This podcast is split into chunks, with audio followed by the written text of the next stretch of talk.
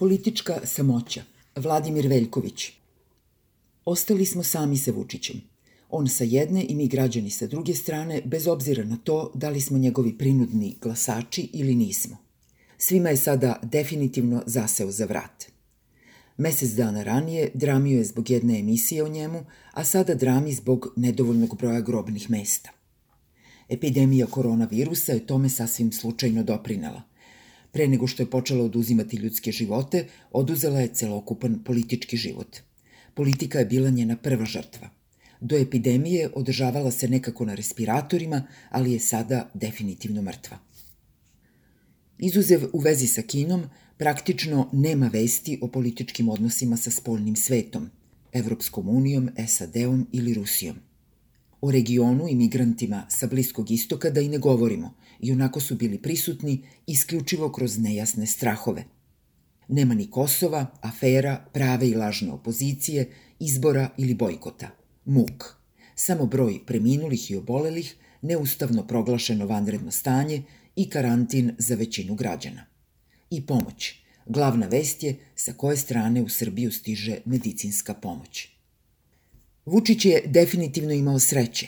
Dobio je svoj rat. Ne mora više da izmišlja opasnost. Opasnost od širenja epidemije je realna ali je on dočekao da komanduje, otvara logore i mobiliše, štiti starije sugrađane, upozorava na moguće žrtve i osokoljen taktikom kineskih lekara pokreće ofanzivu na viruse. Da se junači bez zaštitne maske i rukavica, braneći Srbiju od nevidljivog neprijatelja, iako to od njega niko nije tražio. Zamišlja da je general u štabu, a muva se svuda po terenu i vodi rat pred kamerama kao neki kapetan na bojištu. Efikasnost preduzetih mera u borbi protiv epidemije, snabdevanje stanovništva osnovnim namirnicama i održavanje bezbednosti, to su nova politička merila i teme. Hoće li klijentelistički sistem izdržati u situaciji kada ne može efikasno da naplati svoje usluge ili će na nekim nivoima početi da otkazuje poslušnost? I da li će korupcijom izmorena država uspeti da podmiri svakodnevne potrebe građana, ali i privrede – Izjave režimskih likova da se plate u javnom sektoru zbog epidemije neće smanjivati ukazuju da oni dobro prepoznaju potencijalnu opasnost po sobstveni opstanak na vlasti. U situaciji vanrednog stanja autokrata je iznenada dobio i nove neprijatelje. Desetine hiljada građana koji pokušavaju da se iz inostranstva probiju do svoje države. Vučić ih ne želi. Instinktivno zna da oni nisu njegovi glasači. Zbog njega su i pobegli iz Srbije, a sada mu još i smetaju u ratu protiv virusa.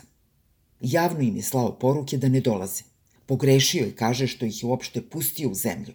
Nije mogao da ih spreči, te se vajkao da ga je u tome ometao ustav.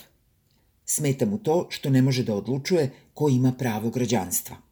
Neraspoložen je zato što ne može da oduzima državljanstvo Srbije, pošto je građanima već sve uskratio. Nisu li svi oni ekonomski migranti iz dijaspore potencijalni glasači opozicije? O tome bi neko među opozicionarima trebalo ozbiljno da razmisli. Ako je virus uspeo da od dijaspore, sticajem okolnosti, stvori politički fenomen, moraće i opozicija. Sa neustavnim proglašenjem vanrednog stanja, nepotvrđenim od strane Skupštine, Srbija je i formalno postala autokratija – Neko je ispravno ocenio da su prethodno raspisani izbori bili oktrojisani, a sada je to formalno postalo i zakonodavno telo. On odlučuje kada će ga državi darivati, a kada uskratiti. Kako se ukida formalna autokratija?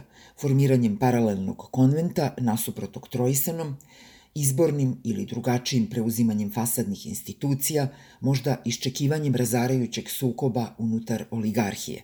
Niko sa sigurnošću ne može znati. Takve stvari se nigde ne uče. Takvo znanje se stiče kroz praksu.